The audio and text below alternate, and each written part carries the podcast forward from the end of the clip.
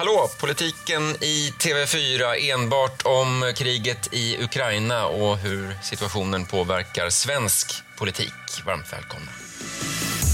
Du ska veta hut när du är här. Punkt. Fru talman, nu har Ulf Kristersson fått allt om bakfoten. Vem är Brun? med högerpopulistiska Vem är Brun? Det här handlar om Sveriges bästa. Det här handlar inte om Annie Lööf. We shall overcome. Ha en krampaus. Håll truten på dig, Carl Bildt. Eh, Det var käbbel. kan du- Det var käbbel.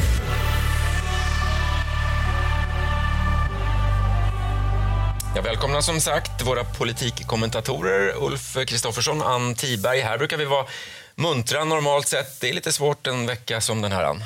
Nu är det ju djupt allvarligt det som händer i världspolitiken och det får ju vi också förhålla oss till förstås. Och eh, inte bara att världspolitiken påverkar svensk politik, vi har också en flyktingkris som är inte långt ifrån svenska gränsen. Ja, det här kommer ju att flytta fokus eh, inför valrörelsen ganska mycket till att handla om det du säger, hur man ska hantera flyktingar ifall det kommer till Sverige och eh, NATO-medlemskap och upprustning av försvaret och eh, en stor fråga nu eh, om vi ska leverera vapen till Ukraina eller inte som debatteras. Så att det blir en annan inriktning på politiken nu. Och också faktiskt kanske efterfråga på samarbete på ett helt annat sätt över blockgränserna. Vi kan väl säga också, eh, vill ni höra av er till oss, har synpunkter, idéer på ämnen, mejla oss gärna, inte bara tjabbel tv4.se. Vi fokuserar som sagt på världspolitiken och hur den påverkar den svenska politiken efter att eh, den ryska presidenten Vladimir Putin höll ett tv-sänt tal eh, på torsdag morgonen. Eh, och eh, senare i torsdags, igår alltså, från när vi spelade in den här podden, eh, så publicerade Ukrainas president eh, det här videotalet på sin Facebook-sida. Моя сім'я не зрадники, а громадяни України. Але де вони зараз знаходяться, я сказати не маю права. За наявною у нас інформацією, ворог позначив мене як ціль номер один, мою родину як ціль номер два. Och ni som tittar på podden såg översättningen. Eh, för er som lyssnar så kan jag säga att Zelenskyj sa min familj är inga förrädare, de är ukrainska medborgare. Jag har inte rätt att tala om exakt vad de är. Enligt den informationen som vi har så är fienden, har fienden markerat mig som måltavla nummer ett och min familj som nummer två. Ja, och det här visar ju eh, hur otroligt allvarlig situationen är också på personnivå för den ukrainska presidenten. Och i, i natt, igår kväll och i natt så hade Europeiska rådet då ett toppmöte och, och eh, hade kontakt med presidenten. Och efteråt så pratade Magdalena Andersson, vår statsminister, med journalister och eh, hon sa så här. Eh, och han berättade om situationen i Ukraina. Eh, Och eh, när vi sa hej då så visste vi alla att det är inte självklart att vi någonsin kommer att ses igen. Mm. Vi ska säga eh, en intervju, eh, en pressträff från Sveriges Television som vi fått ta del av. Ja, det är eh, oerhört allvarsamt och också väldigt nära. Ja, det här sätter ju sin prägel på alla uttalanden. De här fördömandena som har kommit mot eh, Rysslands attack, där har det ju varit helt enigt. Det har varit unisont, eh, alla partiledare. Eh, sen har man olika uppfattning om hur man ska gå vidare och, och det här med Nato och vapenleveranser. Men just fördömandet, reaktionen på, på det har ju varit väldigt stark från alla. Eh, och eh, det blir ju också ett, ett annat tonläge nu när man beskriver att det är en sån ödesmättad och stor konflikt. Eh, när jag intervjuade försvarsminister Peter Hultqvist igår så beskrev han det så här. Men det är väldigt viktigt att EU och Nato håller ihop med väldigt entydiga och tydliga budskap. Vi ser här att vi har en konflikt som handlar om öppna demokratiers rätt att vara öppna demokratier och auktoritärt diktatoriskt ledarskap. Ja, man undrar ju, är vi på väg tillbaka mot kalla kriget? Det är vindar som vi inte känner igen på ganska länge. Ja, det här är ju någonting som fler och fler lyfter upp. Jag noterar att New York Times just pratar om ett nytt kallt krig idag. Jag tror att vi kommer att höra det från fler håll. BBC, ja. Ja, men sen kan man ju diskutera vad, vad kalla kriget så att säga, vilka element som finns därifrån. Min känsla är att eh, politiker är väldigt förtjusta i att ta fram historieboken så fort det händer någonting. Eh, så. Ja. Jag vet inte vad du säger Ulf? Nej, du ja, kanske har en jo, historiebok? Men, det, min historiebok i hjärnan aktiverades omedelbart när det här började. Jag, jag, jag får flashbacks till 1968 när Sovjetunionen eh, Eh, gick in i Tjeckoslovakien. Då var det ju Sovjetunionen fortfarande. Eh, och eh, då eh, hade ju inte Tjeckoslovakien, som nu är delat till Tjeckien och Slovakien, men då hade ju inte Tjeckoslovakien något militär att sätta in. De hade ju ingen möjlighet att försvara sig, så att det blev inte så blodigt. Utan de eh, sovjetiska stridsvagnarna kunde rulla in på gatorna. Jag tror det dog eh, under hundra människor vid den här invasionen. Men det var ändå ett väldigt övergrepp från en stormakt eh, med starka muskler mot ett litet land som då hade försökt liberalisera. Man pratar om Pragvåren. Alexander Dubček som var ledare då, som försökte reformera landet lite och eh, det var större yttrandefrihet och man försökte göra ekonomiska reformer i mer liberal riktning. Och då till slut så hade de ryska eller sovjetiska ledarna tröttnat på det och gick in och invaderade landet och kuvade dem.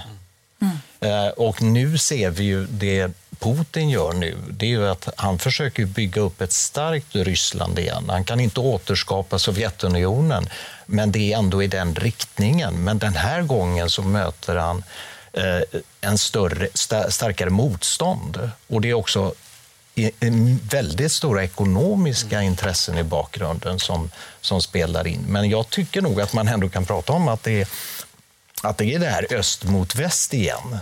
Om inte annat i retoriken. När ledare kommenterar det så beskriver man det som att nu står västerländsk demokrati mot auktoritärt eh, styre. Ja, min, min invändning är kanske då att, att det finns en annan, andra ideologiska skärningspunkter. För kalla kriget var så djupt rotat i starka ideologiska motsättningar mellan ett kommuniststyrt öst och ett så att säga, liberaldemokratiskt väst. Nu kvarstår då den här liberala demokratin medan eh, det, det, det nya öst är framförallt antiliberalt och har då, vi har ju ett antal antiliberala demokratiskt valda ledare i Ungern, i Polen och eh, vi har en, eh, får man väl ändå säga, antiliberal eh, ex-ledare i USA. Mm. så att den, här, den här tydliga polariseringen finns kanske inte kvar vi skulle inte prata om världspolitik. men, men, I sak så kan jag känna att det finns skillnader idag och det finns också skillnader då på politisk nivå i Sverige. För det som var påfallande under kalla kriget det var att det fanns hela tiden krafter i eh, inrikespolitiskt som försvarade Sovjetunionen.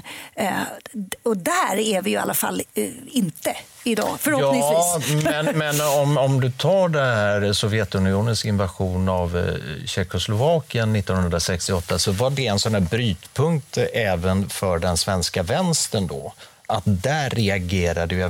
Det var en väckarklocka för många inom vänstern att vi kan inte försvara det sovjetkommunistiska systemet. När man såg vilket övergrepp de gjorde mot ett land som försökte ha lite mer frihet för sina medborgare. I alla fall mainstream-vänstern, absolut. Ja, så att det, det påverkade ju svensk mm. politik mm. också faktiskt, eh, händelserna i Tjeckoslovakien. För många inom vänstern blev det en väckarklocka.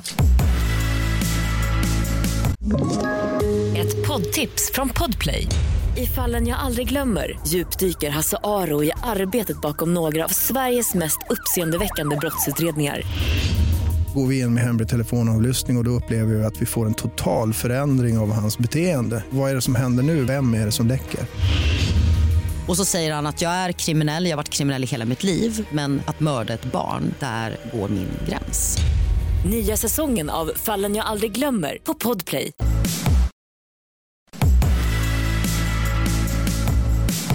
Ska vi fortsätta med vänstern? Du har en liten spaning där, Ann, eh, om vänsterledarens uttalande här eh, nu efter kriget bröt ut i Ukraina? Ja, för det har varit något av en tävling får man väl ändå säga bland politiska ledare i Sverige och, och teckna Putin i de mörkast eh, möjliga termer. Och så här beskriver Nooshi Dadgostar eh, Putin när Ulf Kristoffersson intervjuade henne igår. Ja, men det här är en sorgens dag. Mitt i Europas hjärta så ser vi denna mänskliga tragedi som det är. Eh, vi har att göra med en brutal högernationalistisk ledare som nu talar om ett Storryssland. Eh, och det är något som omedelbart behöver stoppas förstås. Ja, vänstern har problem här, eller? Ja, alltså är han högernationalist, mm. eh, en ledare för en gammal kommunistdiktatur som så att säga faktiskt betecknar sina motståndare i Ukraina som nazister. Eh, jag blev otroligt förvirrad faktiskt när hon sa så här. Eh, jag förstår varför hon gör det. Och jag antar att hennes definition av höger är motsatsen till vad hon tycker. Hur reagerar du, Ulf? Jo, eh, alltså, jag gjorde ju den här intervjun. Det var inte läge för att ställa några följdfrågor tyvärr. För jag, jag reagerade på det också, men hon var precis på väg in till partiledarsamtalen så det gick inte att, att fortsätta med intervjun och sen hände så mycket annat under dagen så det blev inte någon uppföljning på det.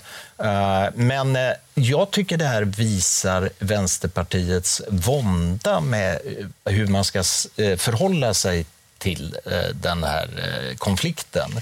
Alltså vilka argument man ska använda. För att det, det finns en del, jag har sett på Twitter och andra ställen, sociala medier, att det finns en del vänsterpartister som har drivit det här att det är, att det är överdriven beskrivning av Ryssland, att det är ryssofobi eh, som, som präglar debatten nu, att man överdriver det här eh, ryska hotet. Och eh, jag vet att Vänsterpartiets eh, verkställande utskott ska träffas eh, idag när vi spelar in den här podden eh, för att diskutera den här frågan, hur, hur man ska förhålla sig, vilken argumentation man ska ha.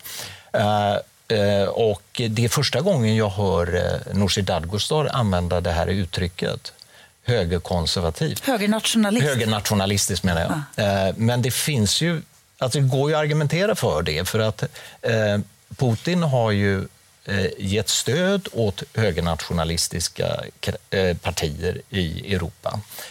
Och högernationalistiska partier som Marine Le Pen har, har då också backat upp Putin i sin argumentation. Så att det finns, det finns liksom en koppling mellan högernationalister i Europa, att de i, i viss mån är eh, eh vänligt inställda till Putin. Ja, men med, med det resonemanget så, så kan du ju förknipp, så att säga, knyta ihop alla möjliga olika ideologier. Om det mina, alltså här är ju argumentationen att mina han är vän till mina fiender och därför så är han eh, samma som... Alltså, han stå, är, är, allierad med mina motståndare. Det är det mm. resonemanget som gör att hon kan landa i höger. Och om man börjar fundera på vad höger och vänster betyder mm. så kan man ju möjligen säga så här att det, det som är höger i eh, Putins regim eh, det, det handlar ofta om värdefrågor.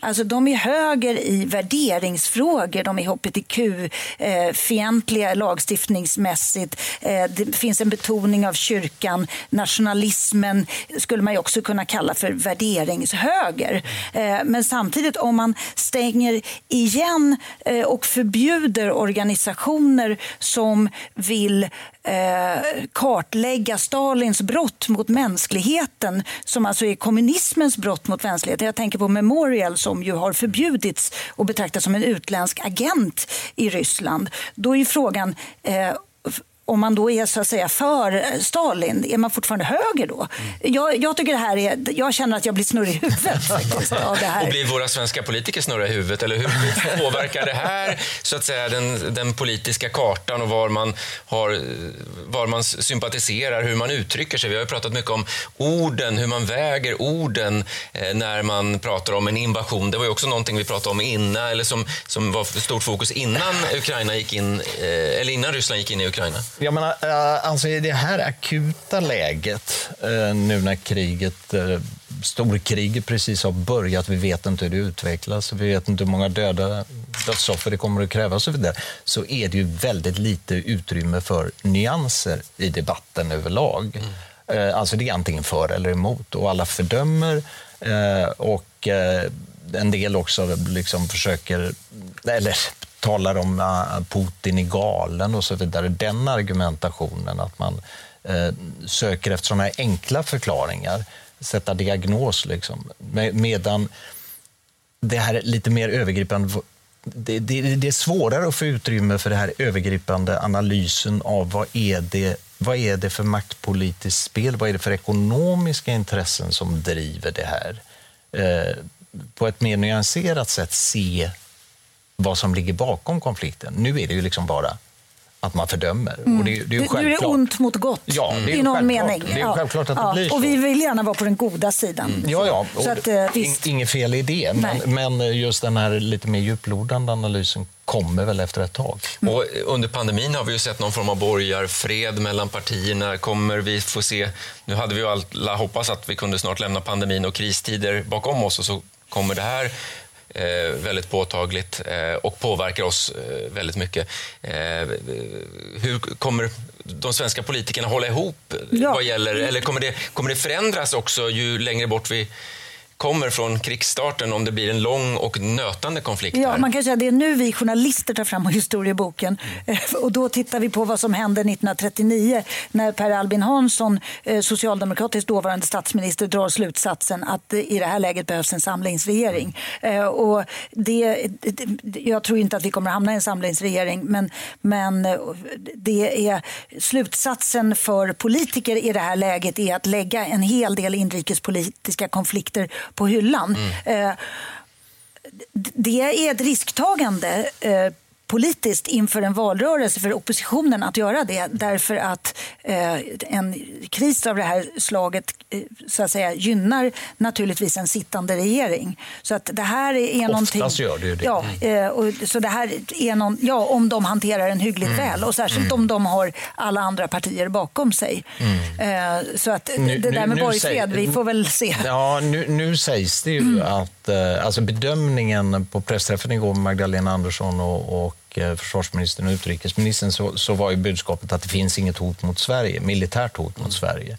Eh, men skulle det bli det, skulle det få den konsekvensen och utvidgas, då tror jag det mycket väl kan bli läge för ett samarbete mm. Eh, mellan Moderaterna och Socialdemokraterna. Mm. Men, men, vi är ju inte där ännu. Och, oppositionen, precis som du sa, de, de, vill, de spänner emot lite mm. att gå, gå in här.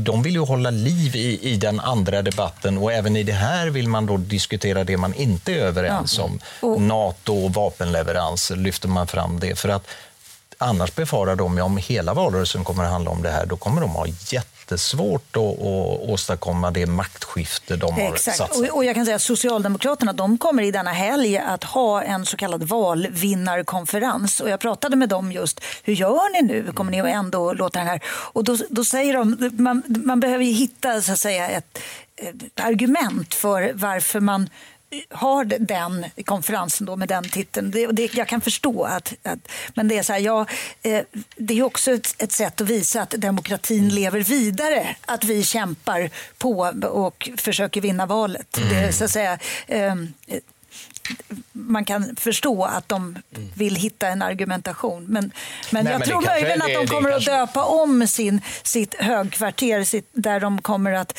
arbeta med eh, i, i S-högkvarteret från War Room till något annat, mm. möjligen. Ja. Ja, eller... Men kommer vi få se eh, några stöd från Sverige? Det var ju många frågor till Peter Hultqvist och statsministern också, just defensiva eh, vapen ja, till exempel. Ja, jag till tycker Ukraina. Eh, Peter Hultqvist var ju öpp, höll ju öppet alla dörrar. Magdalena Andersson har tidigare varit väldigt negativ. Eh, igår var hon också lite mer öppen för att diskutera vapenleveranser, kunde man läsa mellan raderna i alla fall. Men jag tyckte Peter Hultqvist var ännu mer öppen för det. Han sa nu mer eller mindre förutsättningslöst kan man gå igenom på vilket sätt man kan hjälpa. Och är vi neutrala då, om vi nu pratar om NATO-medlemskap och den laddade frågan, är vi neutrala om vi stöder en part i en konflikt? Mm, men vi är inte Eller? neutrala, Nej, vi det är ju alliansfria. Ja, ja, Så okej. att det, det är, nej, men man be- behöver vara noga med orden här. Alltså, vi har ju valt eh, alliansfrihet, det, eller valt, det är ju det som är regeringens eh, så att säga, säkerhetspolitiska doktrin i Sverige. Och, och alliansfriheten, det är inte ett brott mot all, alliansfrihet att, eh, så att säga, leverera vapen till en, en, krig, eh, en part som är utsatt för en attack som dessutom inte är del av någon allians. Så att det, det tror jag är tämligen Men hur får det- säga, problemfritt ur det perspektivet. det, det som skulle vara eh, nytt eller ovanligt, eh, och, och, det- eh, det är ju om vi inleder vapenexport till ett land som är i krig. Just det. Tidigare har man ju mest pratat om följdleveranser, och, eller väldigt speciella omständigheter. Men, men det, är, det är möjligt att man kan kringgå det på något sätt eh, genom att eh, gå via andra länder eller någonting. Men det som sker nu, ökar det viljan från Sverige att gå med i en allians? Det- här med eh, Nato då, tänker du. Det här med Nato det, ju, det har ju en lång historia i Sverige. Och eh, det, jag skulle säga så här, Sverige kommer aldrig gå med i Nato och Nato kommer aldrig att vilja ha med Sverige så länge Socialdemokraterna är emot att gå med i Nato. Och Socialdemokraterna hålls lite som gisslan av de andra partierna på vänsterkanten. Om Socialdemokraterna skulle svänga i NATO-frågan då skulle de tappa väljare till eh, Vänsterpartiet och Miljöpartiet, eh, kanske framförallt Vänsterpartiet. Det finns en oro där. Eh, och jag tror att i, i, i sak så uppfattar Socialdemokraterna som den position vi har just nu som ganska eh, bekväm. Vi eh, har ett partnerskap med Nato. Eh, Vi räknar med att Nato kommer att skydda oss. jag vet, inte, har du en annan uppfattning? Ja, lite Ja, annorlunda. Jag menar i grund... eh, Fram till idag har ju liksom grundtesen varit precis som du säger. Men jag kan tänka mig att det kan förändras om den här konflikten blir väldigt stor och, och eh, omfattande. Eh, för att då, då kanske man måste ompröva den här, om den svenska hållningen har varit där. Men i, i dagsläget tror jag inte att det sker någon omprövning. Men det beror ju på hur det utvecklas. Va? Vi kommer att sitta och prata om Nato här varenda Men vecka. vi får se. Ja. Det, det, det, alltså, de kanske får eh, tänka om när det gäller hur valaffischer ska se ut. Så där. Jag menar, nu har de väl varit inriktade på gängkriminalitet och friskolor och sådär. Eh, In, rena inrikesfrågor. Nu är det Putin som är bossen. Ja, nu kanske vi får se uniformer och soldater på, på valaffischerna. Mm. Vi får se. Vi ska säga då till er som lyssnar och tittar, det är idag fredag den 25 eh, februari eh, och kriget mot Ukraina, eller i Ukraina, har pågått i lite drygt ett dygn. Så det vi säger här nu, det är ju den verklighet som är precis när vi sitter här och spelar in det här poddavsnittet. Maila oss gärna, inte bara tjabbel, tv4.se om ni har synpunkter. Eh, Ann Tiberg, Ulf Kristoffersson, tack så mycket för idag och tack för att ni har varit med oss.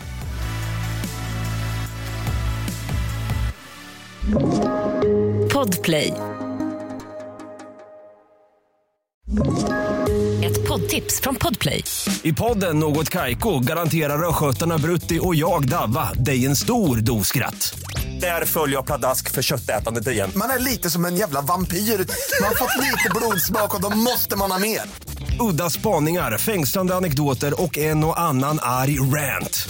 Jag måste ha mitt kaffe på morgonen för annars är jag ingen trevlig människa. Då är du ingen trevlig människa, punkt. Något Kaiko, hör du på Podplay. Därför arkadeinerna.